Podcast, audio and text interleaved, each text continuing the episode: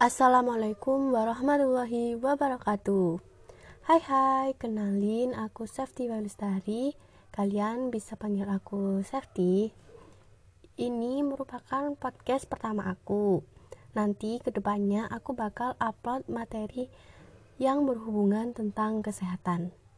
Nah untuk kesempatan kali ini nih Aku bakal jelasin materi tentang konsep keperawatan komunitas untuk teman-teman yang dengerin, semoga dapat menambah ilmu pengetahuan dan wawasan kalian ya. Untuk itu, siapin kertas untuk mencatat hal-hal yang menurut kalian penting. Oke, sebelum kita masuk materi, kita bismillah dulu. Bismillahirrahmanirrahim. Nah, untuk yang pertama, kita bahas apa sih pengertian dari keperawatan komunitas itu. Keperawatan komunitas adalah sebagai suatu bidang keperawatan yang memperpadukan antara keperawatan dan kesehatan masyarakat atau public health dengan dukungan peran serta masyarakat secara aktif serta mengutamakan pelayanan promotif dan preventif secara berkesinambungan tanpa mengabaikan perawatan kuratif dan rehabilitatif secara menyeluruh dan terpadu yang ditujukan kepada individu, keluarga, kelompok, serta masyarakat sebagai suatu kesatuan utuh melalui proses keperawatan atau nursing process untuk meningkatkan fungsi kehidupan manusia secara optimal sehingga mampu mandiri dalam upaya kesehatan. Nah, hal tersebut disampaikan oleh Mubarak tahun 2006. Nah, dari pengertian tersebut dapat kita ambil kata kuncinya, yaitu keperawatan dan kesehatan masyarakat, yang mempunyai tujuan untuk pencegahan dan peningkatan kesehatan masyarakat itu sendiri. Untuk siapa sih keperawatan komunitas ini ditujukan? Dari pernyataan di atas, kita dapat mengambil yaitu untuk keluarga, individu, kelompok, serta masyarakat. Kelompok masyarakat ini seperti kelompok masyarakat yang beresiko tinggi, seperti keluarga atau penduduk di daerah kumuh, daerah terisolasi, daerah yang tidak terjangkau termasuk kelompok bayi, balita, dan ibu hamil. Oke, semoga bisa dipahami ya untuk selanjutnya yaitu upaya apa yang bisa dilakukan untuk mencapai tujuan dari keperawatan komunitas.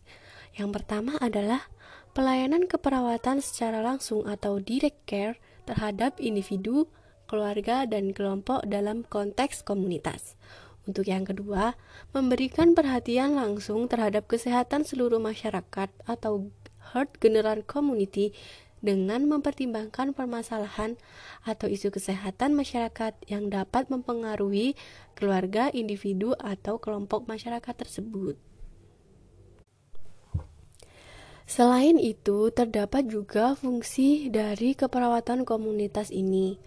Yang pertama, memberikan pedoman dan bimbingan yang sistematis dan ilmiah bagi kesehatan masyarakat dan keperawatan dalam memecahkan masalah klien melalui asuhan keperawatan. Yang kedua, agar masyarakatnya itu sendiri dapat mendapatkan pelayanan yang optimal sesuai dengan kebutuhan di bidang kesehatan.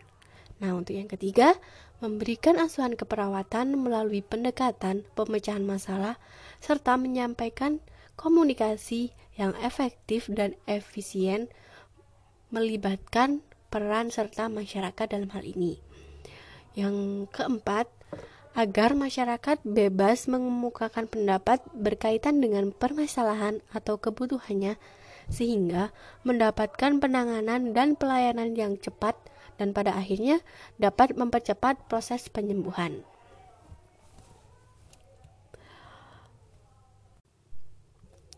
Nah, untuk pembahasan selanjutnya yaitu strategi intervensi keperawatan komunitas. Ada tiga ya teman-teman. Untuk yang pertama ini ada proses kelompok atau grup proses.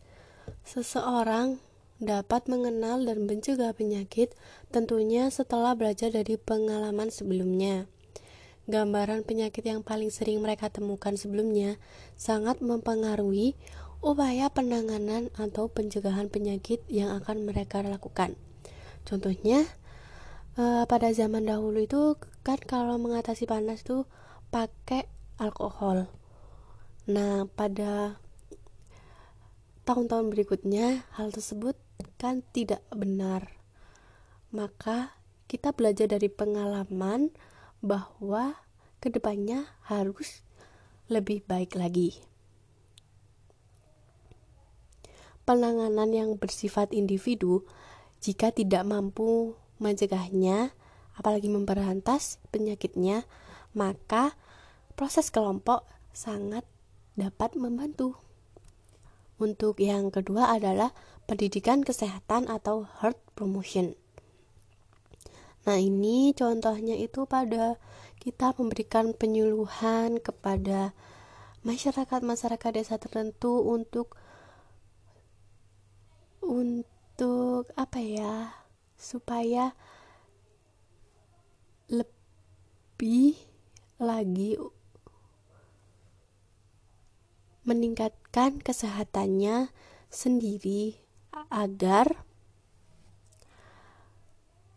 masyarakat tersebut mampu memelihara dan meningkatkan kese kesehatannya baik secara fisik, mental, dan sosial sehingga dapat produktif secara ekonomi maupun secara lingkungan sosialnya.